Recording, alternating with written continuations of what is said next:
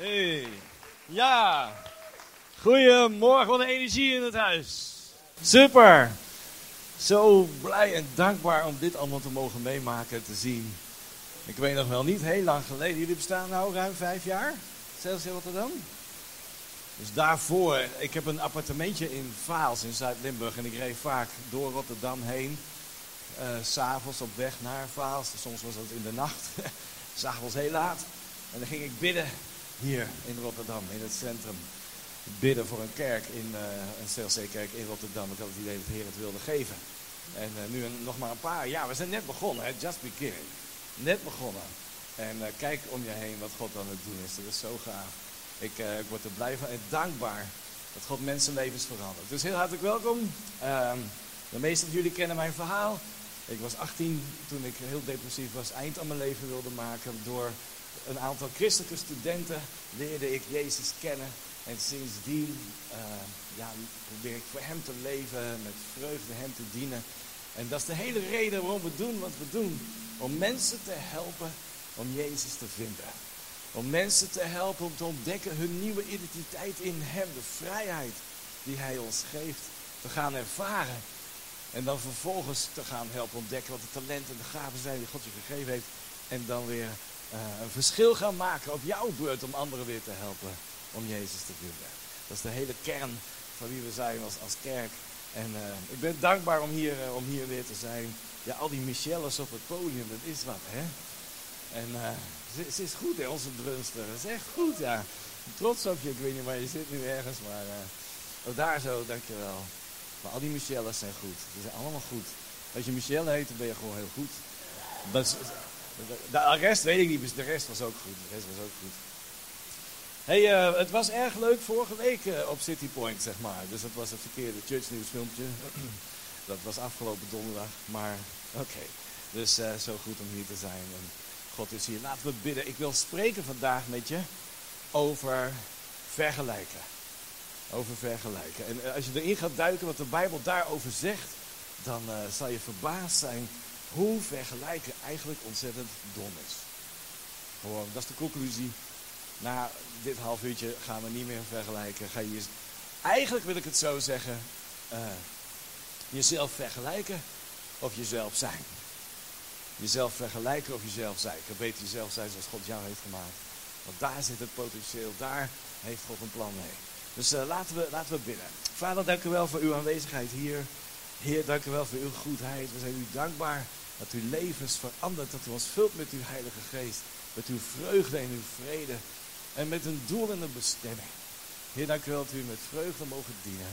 Onze harten zijn open, ons denken is alert om te horen wat de Heilige Geest wil spreken tot ons allemaal. In Jezus' naam. Amen. Amen. Weet je, we zitten eigenlijk in een serie in Den Haag. En uh, die serie uh, hebben we genoemd Laat je horen. En uh, er is zo, ik heb er vorige keer volgens mij ook iets over verteld. Maar de, weet je, de, de vijand houdt niet van het evangelie. Hij houdt niet van het goede nieuws dat wij mogen brengen. En de vijand probeert op allerlei manieren de stem van de kerk te verkleinen. En de stem van jou en mij in te dammen. Maar jij en ik, wij weten, wij hebben een mooie boodschap. We hebben goed nieuws. Ja toch? We hebben goed nieuws waar God die van je houdt. En een plan met je leven heeft. Hij heeft je gemaakt. Je bent geen ongelukje of iets een product van pa ma of een romantische zomernacht. Nee, je bent gemaakt, geboren uit Gods hart. En we hebben een prachtige boodschap ook aan deze regio, Rotterdam en regio, deze, deze stad en regio. Dus vandaar dat we dat noemen het thema laat je horen. Laat je horen. En uh, als grote deel natuurlijk turn op de volume. We geloven dat de Heer wil dat we, dat we uh, mensen bereiken, steden mogen aanraken. Uh, through the blessing of the upright staat ergens in spreuken, ik weet niet waar, welke spreuken. A city is exalted. Daar waar de gezegenden, de oprechten, degenen die God dienen, uh, onder de zegen van de Heer wandelen, daar wordt de stad verhoogd. En dat is zo mooi. We weten dat hier in Rotterdam zijn veel mooie, goede en grote kerken. Meer dan in Den Haag. Altijd als ik hier inrij op zondag, dan denk ik altijd, dit is de gezegende stad of zo, op de of andere manier. Om twee redenen. Mijn moeder komt hier vandaan. En reden twee, er zijn hier zoveel mooie grote kerken. En daar mogen we deel van zijn. Wat God aan het doen is hier in deze stad en regio. Dus laat je horen, ik heb het een keer gehad over klein denken. Hoe klein denken jouw denken vermeerdert. En, en terwijl je eigenlijk je invloed wil laten gelden. Je wil helpen, je wil je, je wil je stem verheffen, je wil mensen leiden. Je wil ergens in, in ehm, was dat, is dat uh, Judges, het is Richteren. In Richteren 5. Ik, ik las naar een, luisterde naar een, een, een, training van Rich Wilkerson Jr. Die ken misschien wel, bekende spreker, een, voorganger uh, van Food Church. En hij zei deze tekst, if the leaders are leading, the people will be willing. Dus geen leiderschapstraining, maar neem hem maar mee. If the leaders are leading, the people will be willing. Ik zei, staat dat er echt? Dat staat er echt. In bepaalde vertalingen. Dat is een beetje, maar zo mooi. Weet je, dus leiderschap, invloed, zegen zijn. Uh, en misschien voel je jezelf niet per se een leider, maar je, elke invloed die je hebt is leiderschap. Elke zegen, elke verandering die je mag brengen is, is een stukje leiderschap. We hebben gepraat over een leven vol van spijt of leven in, uh, in, in denken, in kansen en in toekomst. Ken je mensen die altijd spijt hebben van vroeger? Had ik maar dit, had ik maar dat. En was nou maar zus, en was nou maar zo. En weet je, het, het, het, punt is, je verleden ga je niet meer veranderen. Je hoop ligt niet in het verleden. Er is niks meer aan te veranderen. Geef het aan de Heer terug. Ja, er zullen fouten zijn gemaakt. Jij hebt fouten gemaakt. Ik ken je niet allemaal persoonlijk. Maar één ding weet ik, je hebt fouten gemaakt. In het verleden. Net als ik. Maar daar, daar is vergeving voor, daar is de Heer Jezus voor gestorven. En je hoop ligt in de toekomst. Dus als je merkt dat je steeds teruggaat naar het verleden en spijt, dat verstomt je stem. De Heer wil dat je uh, opstaat en je uitstrekt. Paulus zei het, vergeten er wat achter me ligt. Strek ik me uit naar wat voor me ligt. Daar ligt je toekomst, daar ligt je potentieel, daar liggen kansen, daar ligt het plan van God voor je leven. Ik heb een keer gesproken over onverschilligheid. Onverschilligheid verschilligheid of een verschil maken. Sommige mensen zijn zo onverschillig, niet hier, ergens anders. Misschien ken je een vriend. Die, die, die niet worden geraakt door niks, gewoon. Weet je, de Heer is bezig, God is bezig. En, en, en, en er zijn mensen aan het opstaan, harten zijn aan het veranderen. Mensen komen tot bekering, leren Jezus kennen. En er gebeuren mooie dingen. En, en, en sommige mensen gewoon puur onverschillig. Ik heb een, een heel, heel gekke situatie. Lang geleden, ik was nog, nog niet eens getrouwd. Ik was net bekeerd, eigenlijk een jaartje. Ik was 19 denk ik. En, en, en misschien heb ik het wel verteld. En er was een vriend van mij. En we stonden samen voor de dienst in Utrecht. En, en, en de voorganger vroeg, uh, kunnen jullie helpen om de stoelen klaar te zetten? En hij zei gewoon, niks. Dus ik, ik liep en pakte stoelen. En na een paar minuten realiseerde ik mij, hij staat daar nog steeds. Absoluut onverschillig. Absoluut onverschillig. En, en, en ik vroeg later, waarom deed je nou niet gewoon... Hij zei, ik ben niet gekomen om stoelen klaar te zetten, ik ben gekomen voor een dienst. En eerlijk gezegd, ik had er gewoon geen zin in. En ik heb toen, ik schrok van de kracht van onverschilligheid. Dus wij kiezen ervoor niet onverschillig te zijn, maar een verschil te maken. Ja toch? Eens? Zeg even ja of zo, of iets. iets ah ja, is goed, goed. 1 Petrus 3 in de message, 1 Petrus 3 vers 15 in de, eerst even de Groot Nieuwsbijbel. Wees altijd bereid om te antwoorden, diegene die rekenschap vragen, van de hoop die in je leeft. Doe het zachtmoedig, met respect, doe het met wijsheid. Op je werk, op de sportvereniging, in je familie, eh, vriendenkring. Uh, maar, maar wees altijd bereid. Laat je horen. Vertel iets over de hoop die in je leeft. En misschien zeg je, mijn verhaal is natuurlijk, vroeger was ik zo. En toen leerde ik Jezus kennen. En, en ik snapte ook niet alles, ik snap nog steeds niet alles, maar ik weet wel dat God een groot werk in mijn leven heeft gedaan en aan het doen is. Vroeger was ik zo en nu ben ik zo, dankzij het werk wat God in mij doet, de hoop die in mij leeft. Dus wees altijd, in de message staat dat zo mooi, be ready to speak up. Wees altijd klaar om je mond open te doen, om te speak up. Laten we op een goede manier, zegt de Bijbel hier, zachtmoedig en met respect, maar laten we onze invloed uh, gebruiken de mensen, wij allemaal, de mensen om ons heen die God nog nodig hebben, die God nog niet kennen. Die, die soms misschien, misschien durven ze dat niet te zeggen, misschien, uh, weet je wel, maar er zijn mensen die s'nachts bidden, terwijl ze niet in slaap kunnen vallen. God als u bestaat. Bent u daar? En, en, en die mensen, die zitten misschien op jouw werk of op je sportvereniging. En vraagt de Heer, ik wil een invloed, ik wil een verschil maken. Ik, er zijn mensen op zoek naar u. Laat me zien hoe ik kan helpen. Hoe ik kan helpen. Oké, vandaag dus over jezelf vergelijken of jezelf zijn. En ehm, ik, ik, wil even een leuk verhaaltje vertellen. Dat is anderhalve week oud. En als het goed is, hebben we daar een paar foto's van. Mijn, eh, mijn lieve team, uh, het Key-team in Den Haag, een tijd geleden alweer, die heeft mij een cadeautje aangeboden voor mijn verjaardag. En dat cadeautje was een vliegervaring. Een soort eerste vliegles. Nou, er gebeurde van alles. Ik, ik, zat met mijn voet en het, kon, werd steeds uitgesteld, maar het is dan toch gebeurd anderhalve week geleden. En ik mocht twee mensen meenemen. Dus ik zei, nou Mathilda, nou die had absoluut, ik ik ga niet in zo'n klein vliegtuigje, geen haar op mijn hoofd. Dus ik nam Jozua, mijn zoon, en Ruben, mijn schoonzoon. En wij moesten naar Teugen, dat ligt helemaal in het oosten van Nederland. En uh, daar op het vlieg, sportvliegveld. En uh, dat was al een keer eerder uitgesteld omdat het toestel mankementen had. We werden afgebeld. Het toestel moet. Uh... Dus toen, toen werd het een keer afgebeld. Het toestel was nodig voor inspectievluchten. Omdat het zo droog was, had de brandweer het toestel weer afgebeld. Dus ik geloof dat het een traject van anderhalf, bijna twee jaar is geworden. En nu kwamen we daar en ze zeiden: Je moet er echt om twee uur gaat u vliegen, kwart voor twee, uiterlijk melden enzovoort. Alles geregeld. Um, en de, ik, rij, ik wil wegrijden om mijn jongens op te halen. En wat gebeurt er? Lekker brand.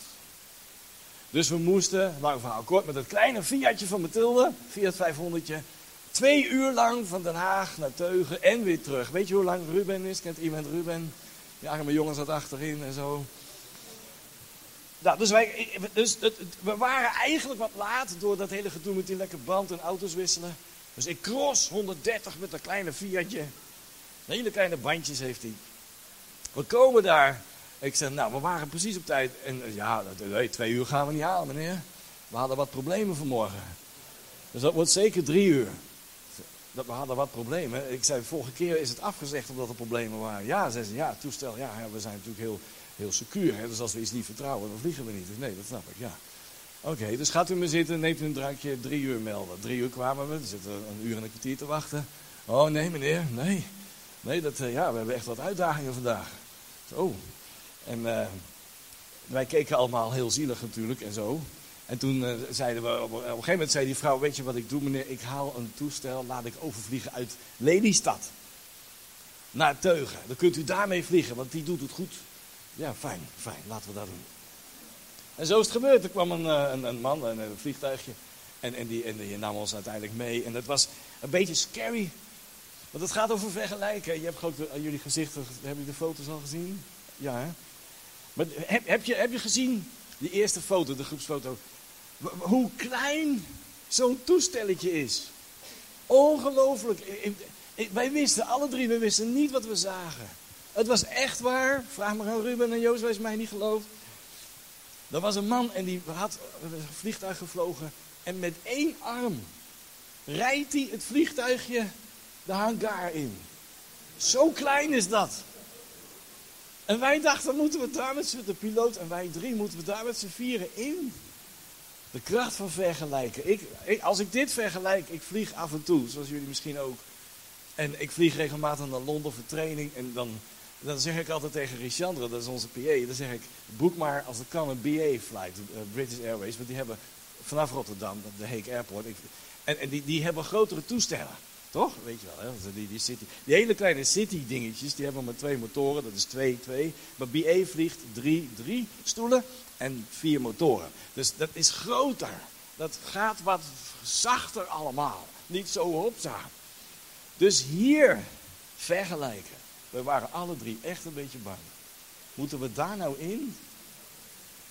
En, en, en een klein motortje, een klein propelletje. De propeller was ook niet groot, ongeveer zo. Dat, dat kan toch nooit allemaal vergelijken.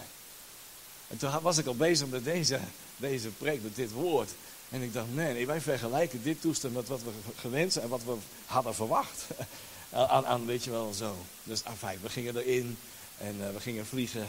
En het was ik vond het best een beetje eng. Want ik, ik, zit vooraan. En je hebt nog een heel klein neusje, maar die zie je niet, lopen zo schuin. En dan die propeller, die zie je natuurlijk ook niet als je hard draait. Dus je ziet niks. Je, je ziet de, de, de, de, de aarde. De, de, het is heel mooi uitzicht. Maar het gaat natuurlijk allemaal zo. Dus die man die zegt, en dat was een goeie. Hij zei, oké, okay, uh, twee, twee sturen, hoe noem je dat? En, en, hij zei, eentje is natuurlijk in control. Moet je altijd hardop zeggen. Dus starten en landen, zei hij, dat doe ik zelf. Maar vliegen, als we even vliegen, mag jij vliegen. Nou, ik weet niet, we gaan wel kijken. dus hup, omhoog. En dat vond ik een heel goede, ook weer leiderschapsprincipe. Hij zei hardop, I am in control. Dat betekent dat ik niet ook aan het stuur ga zitten rukken. En op een gegeven moment zei hij, als jij klaar bent, dan zeg jij hardop, je hebt dan zo'n koptelefoontje, microfoon, I am in control. Ik dacht, nou, dat, ik weet niet of ik dat zoveel kom vandaag. Maar, maar dat, dat, dat, weet je, geen twee. Ik ken, ik ken organisaties en kerken, er zijn vijf mensen in control. Die zitten allemaal aan het stuur. Ik dacht, die zouden een vlieglesje moeten nemen. Eentje moet de beslissing uiteindelijk, eentje moet sturen. Dus hoe dan ook. maar het, elke keer als die zei, ben je zover Ereld? Ik zei, nou, ik hou eerst het stuur vast zo. En dan voel ik wat jij doet. Ik stuur niet mee, maar ik voel wat je doet, hoe dat werkt. En het viel me op, het luistert heel nauw. Kleine bewegingen op. Ik dacht, jongen, jongen. Ik had gehoopt heel indirect, weet je. Maar nee, dat gaat allemaal. En ik vond het best een beetje eng. Omdat je niks... En het was wel heel mooi. We hadden mooi weer. We vlogen naar Harderwijk. En dan boven het Dolfinarium dan weer terug. Dat zag je tegen de foto. En, uh, maar uh, elke keer als hij zei, ben je, ben je zover? Dan, dan had ik hem dus vast. En dacht ik, ja, misschien wel dat ik hem overneem. Hadden we net weer een luchtzak of zo. Woem. Of een wind, hop. Ik dacht, nou, ik zo, is, sorry hoor, maar ik ben Ciara niet. Ik, dus ik, ik, ik heb een beetje half meegedingest. Maar vergelijken. Je vergelijkt dat kleine dingetje met wat je gewend bent. En het doet heel veel. Het geeft angst. Bij ons in ieder geval. Ook die stoere mannen van mij. Die zeiden nou. Deze ervaring hadden we nooit willen missen. Maar het, het was wel interessant. Het was interessant. Oké, dus Johannes 21. We gaan naar het woord van de Heer. Johannes 21 vers 21. Toen hij deze zag. Dat was Johannes. Zei Petrus tot Jezus. Heer, maar wat gaat er met deze gebeuren? En Jezus zei tot hem, indien ik wil dat hij blijft totdat ik kom, wat gaat het u aan? Petrus vroeg aan Johannes, wat gaat er met hem gebeuren? Hij zat zichzelf te vergelijken. Heer, wat is mijn rol? Wat is zijn rol? Jezus zei, al blijft hij eeuwig leven, gaat je niks aan. En op zijn op Hollands gezegd, zegt de Heer dat misschien ook wel eens tegen jou en mij. Je kijkt naar die en je kijkt naar die en je zit op Facebook of, of wat doe je, Insta. En je zit te kijken en die zus en die, eh, die hadden een grote barbecue. Waarom zit ik daar niet bij? Enzovoort. En, en, de Heer zegt soms gewoon, gaat je niks aan. Volg jij mij. Volg jij mij nou maar. Want dan komt het met Petrus goed en met Johannes goed. Dat, dat is eigenlijk de conclusie van vandaag. Gaat je niks aan kijken naar anderen. Wat ze hebben. Weet je wel, waarom ben ik niet zo gezegd? Waarom heb ik niet zo'n auto als hij? waarom heb ik niet dat, dat haar wat zij heeft voor de dames? Ik heb een meisje gekend, en jullie kennen haar ook nog uit de tijd van Den Haag, vroeger. Die zei, ik bid elke dag voor ander haar. Was een jonge meid, prima haar. Er was niks mis. Ze zei, ik, ik ben zo, ik, vergelijken. Vergelijken, het legt een enorme last op je leven. Als je niet uitkijkt, onder de kracht van vergelijken. Iemands rijkdom is niet jouw gebrek. Iemands zegen is niet jouw gemis aan zegen. Dat is wat vergelijken ons doet geloven. Iemands promotie is niet jouw achteruitgang. Dat moet je in je systeem. Het, heeft te maken met vertrouwen op de Heer. Iemands succes is niet jouw falen. Voorgangers zijn daar natuurlijk heel goed in. Die kijken naar aantallen en die kijken naar de dynamiek en dingen in de kerk. En die gaan, als ze niet uitkijken, zitten vergelijken. En, en, en daar gebeurt dit en daar. Vergelijken gaat nergens heen. Ik denk dat de Heer dan ook weer zegt, gaat je niks aan, Ereld, volg jij mij. En, en, en, en, en dan zal ik jou zegenen en ik zegen anderen en, en het komt allemaal goed. In 2 Korinther 10 vers 12, daar staat het, wij durven ons niet te tellen of onder of stellen naast sommigen van hen die zichzelf aanprijzen. Maar zij meten zich af naar en vergelijken zich met zichzelf zonder het zelf te begrijpen. Heb je deze tekst wel eens gehoord in het Engels? Die is echt amusant. Dus is echt, geloof je niet. Maar let op, tel even met me mee. Er staat zeven keer themselves. Vergelijken gaat over jezelf. Je vergelijkt jezelf met anderen. Het is heel erg op jezelf gericht. Luister even met me mee in het Engels. For we are not bold to number or compare ourselves with certain of them that commend themselves, but they themselves, measuring themselves by themselves. Staat er echt. And comparing themselves with themselves Dat staat er echt. Are without understanding. Je begrijpt er niks van. In een hele populaire Nederlandse Bijbel staat er is ontzettend dom. Als je zo bezig bent, in één regel zeven keer, themselves, themselves, ikzelf, ikzelf, ik vergelijk mezelf. Weet je wat er gebeurt met vergelijken? dit is wat vergelijken doet. Je vergelijkt jezelf met mensen die verder zijn, beter zijn, verder zijn dan jij in het leven. En je voelt je minder waardig. En dat is niet wat de Heer wil. Of je vergelijkt jezelf met mensen die, wat jij dan ook zou noemen, minder ver zijn dan jij. En je voelt je superieur. En allebei is absoluut niet van de Heer. Niet jezelf verheffen boven. Nou, ik ben wel blij dat ik niet ben. Weet je nog, de farisee, ik ben blij dat ik niet ben zoals hij.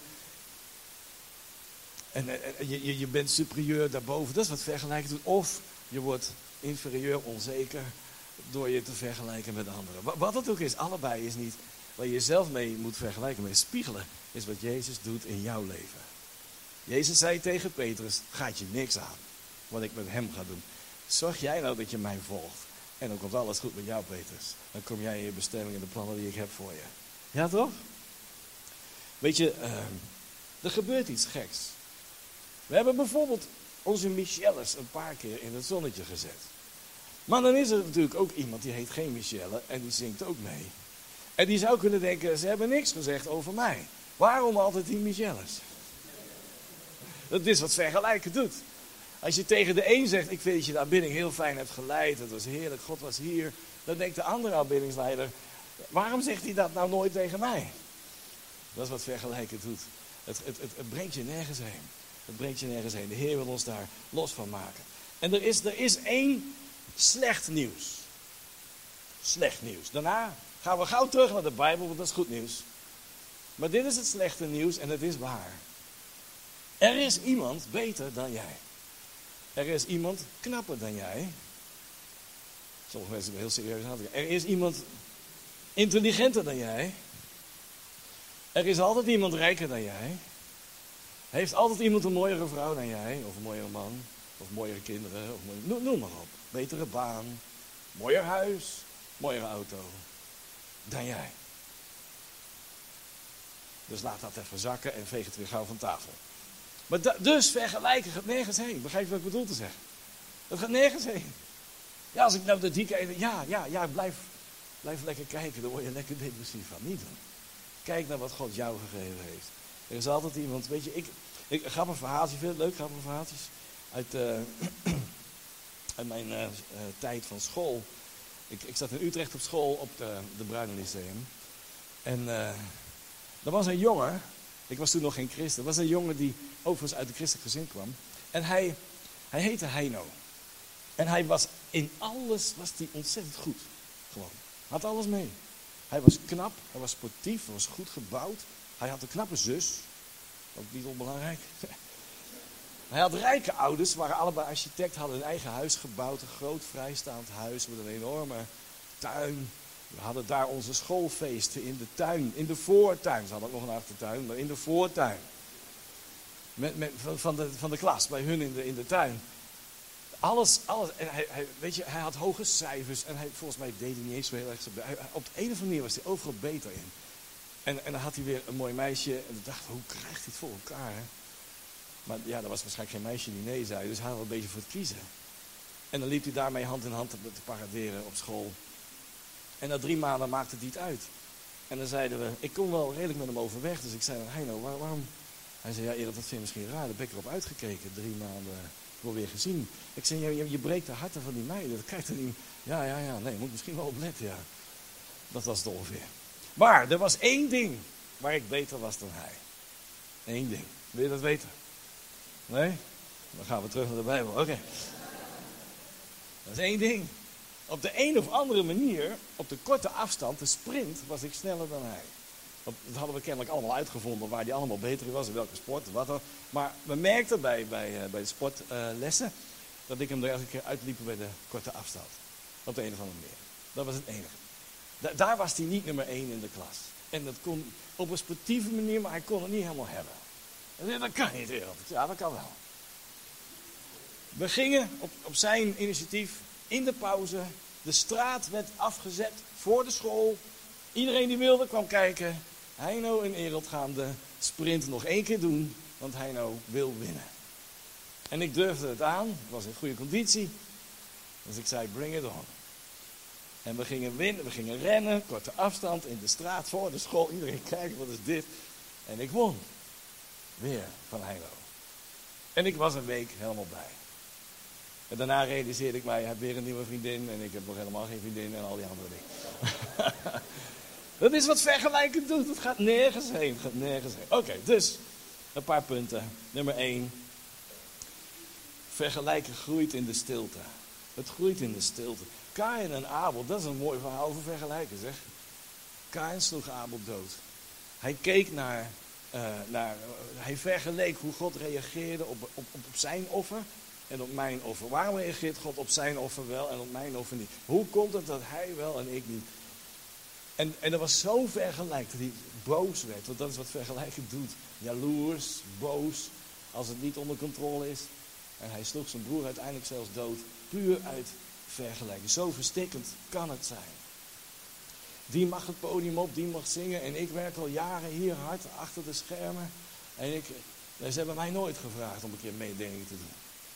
Je had de jongste zoon die thuis kwam, weet je wel, de verloren zoon. En dan had je de oudste zoon. En die zei, hij heeft al het geld erheen gejast. Met de vrouwen en slecht leven. En nou is die blutte, komt hij terug. Ik heb u altijd gediend, maar u heeft mij nooit een feestje gegeven. Vergelijken. En dat klopte niet, want de vader zei, al wat mijne is het jouwe. Ja, hoeveel feestjes had je willen hebben? Maar dat is wat vergelijken doet. Het gaat nergens heen. Vergelijken groeit in de stilte. Marcus 9, vers 33. Dan zegt de Bijbel, ze kwamen in Cavernum en toen ze in het huis waren, vroeg hij, dus de Heer Jezus hun, waarover waren jullie onderweg aan het reden twisten? En hier komt het, ze zwegen. Want ze hadden onderweg met elkaar getwist over de vraag wie van hen het belangrijkst was. Dat is wat vergelijken doet. Het snoert je mond. Laat je horen is het thema van, de, van deze serie. Dit, het snoert je mond. De Heer Jezus zei, waar hadden jullie het over? Natuurlijk wist hij dat wel. Maar was meer even een soort van herinnering. Waar hadden jullie het over met elkaar onderweg? En ze zeiden niks. En uh, iemand probeert daar iets te zeggen, maar die belt op het verkeerde moment. Ja, dat kan. Dus dit is wat vergelijken doet. Wie is er het belangrijkste? Wie, en een ander moment ergens staat er, wie mag er links en rechts van de troon zitten? Wie, wie, wie van de twaalf, welke twee zijn het meest belangrijke? Hier hadden ze het over wie is het belangrijkste? Wie is het belangrijkste? Wat een vraag eigenlijk. Als je toch dag in dag uit met Jezus leeft. Maar het waren gewoon mensen net als jij en ik, die discipelen. Dat is wat vergelijken deed. Die geest van vergelijken, weet je, um, er is het tegenovergestelde. Iemand die last heeft van vergelijken, vindt het moeilijk om andere mensen te, vrij te zetten, te bemoedigen, te zegenen. En, en, en weet je wel, en, je doet het geweldig en, en, te bouwen. Als er altijd een vergelijking is met jezelf, dan, dan, vind je dat moeilijk. Het tegenovergestelde is juist wel dat je, dat je royaal bent in bemoedigen, in zegenen, in het potentieel zien van andere mensen. Dus, joh, je, je, hebt een geweldige toekomst, je doet het zo goed. Je, ik, ik zie dat je, uh, dat, dat, je aan het groeien bent en uh, je bent trots op je. Iemand die geen last heeft van vergelijking, die kan makkelijk andere mensen complimentjes geven. Schouderklopjes. Maar hier, de discipelen waren heel stil op dat moment. Sommige christenen zijn zo stil als het gaat om, vergelijk, om, om, om, om complimentjes geven en, en zegen en, en, en, en mensen bemoedigen om door te gaan in dat wat God ze gegeven heeft. Sommigen zijn te stil, omdat er nog steeds een soort vergelijken is van ja, maar ja, had ik eigenlijk willen doen. Had ik eigenlijk willen, willen, willen horen enzovoort. Vergelijk groeit in de stilte, in de, in de, in de schuilhoeken van je hart. Nummer twee, vergelijken als, een, als de takken van een slechte wortel. We gaan een beetje kijken naar de wortel van vergelijken. En uh, het is zo belangrijk, weet je, we willen niet uh, de, de, takken of de, de, de, vrucht, maar je wil naar de wortel. Als je iets wil herstellen, als je genezing wil ontvangen, als je uh, herstel wil zien komen, wat het ook is, dan moet je naar de wortel. Want, want daar, daar gebeurt daar komt het vandaan. Niet alleen de takjes afknippen die niet goed gaan of de vrucht, maar de wortel.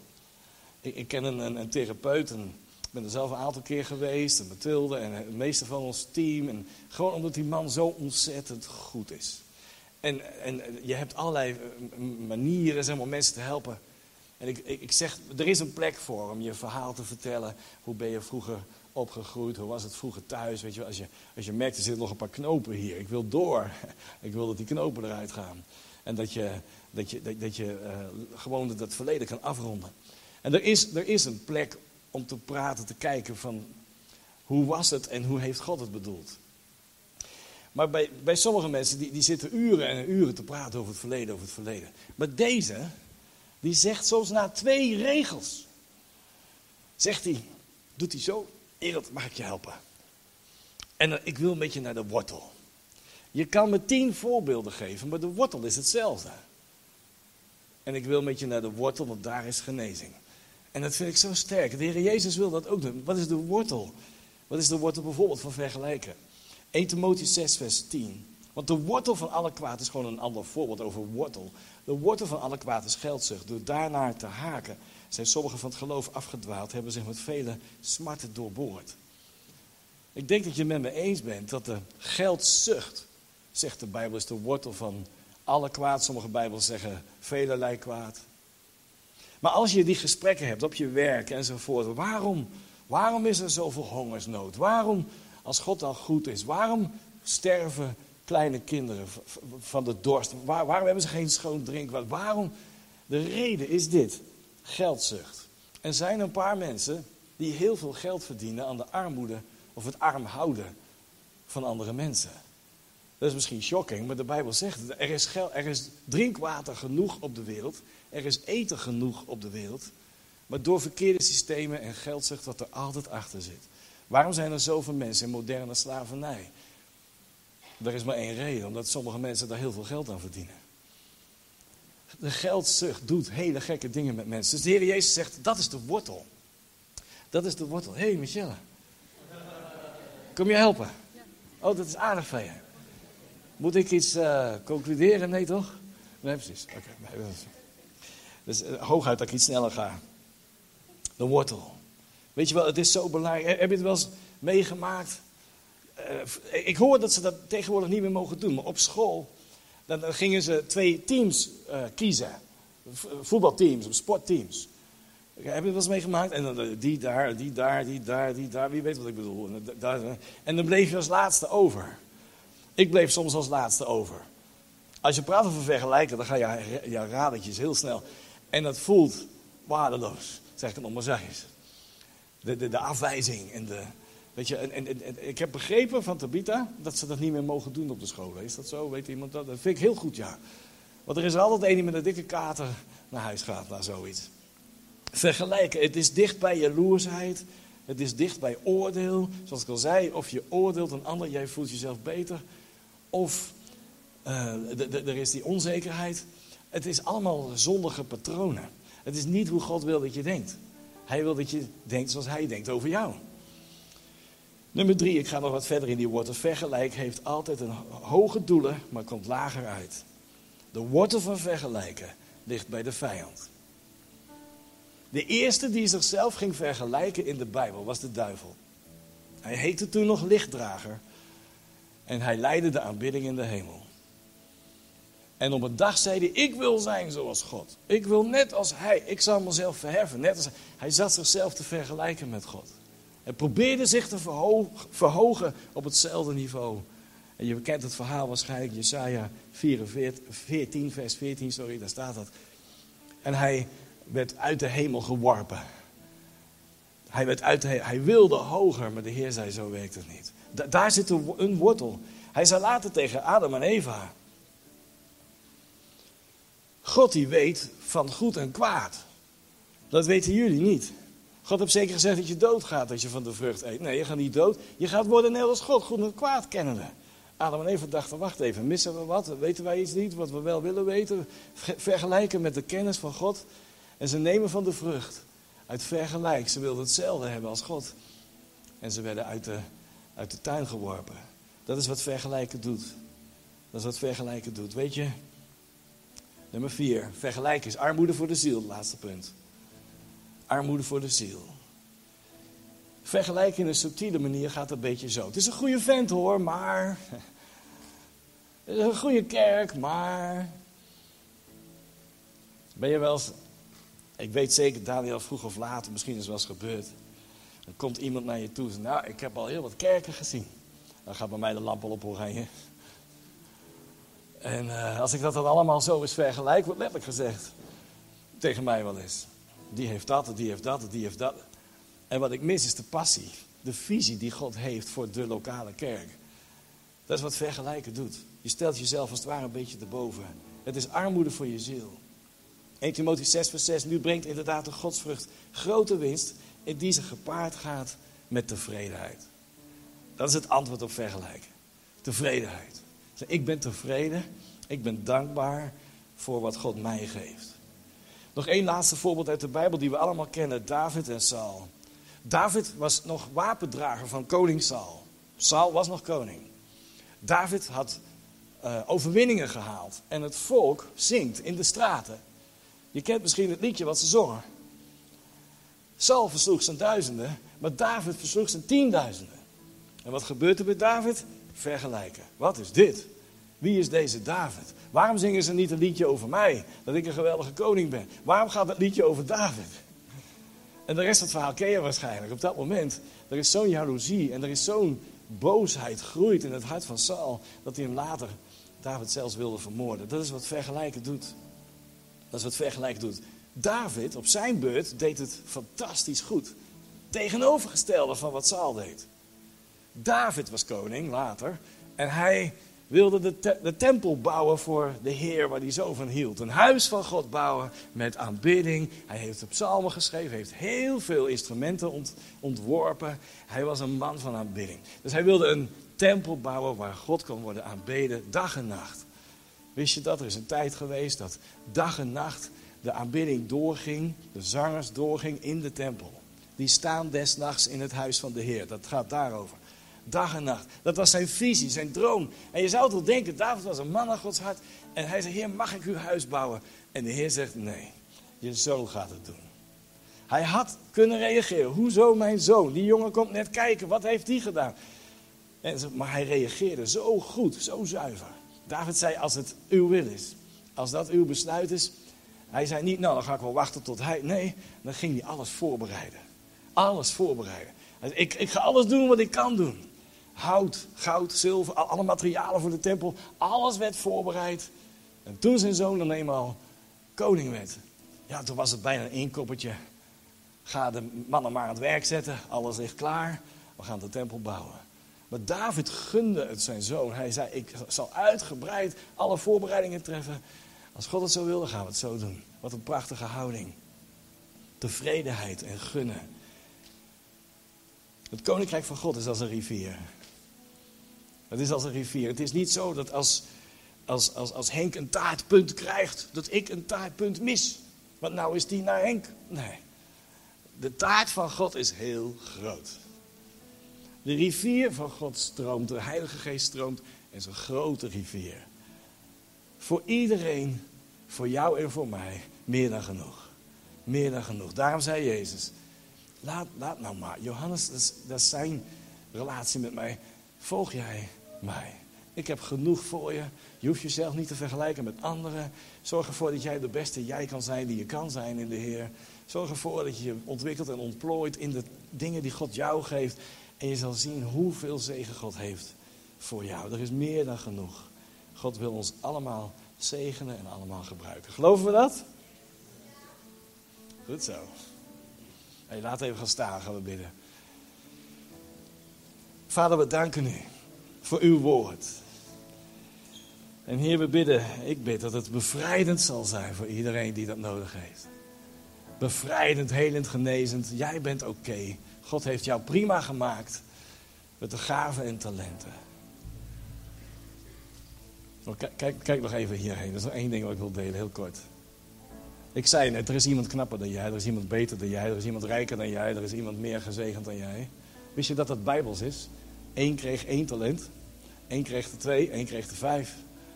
En ze moesten allemaal leren tevreden te zijn met wat God je geeft. Maar in ieder geval allemaal één talent. Iets, iets God geeft iedereen iets, iets moois.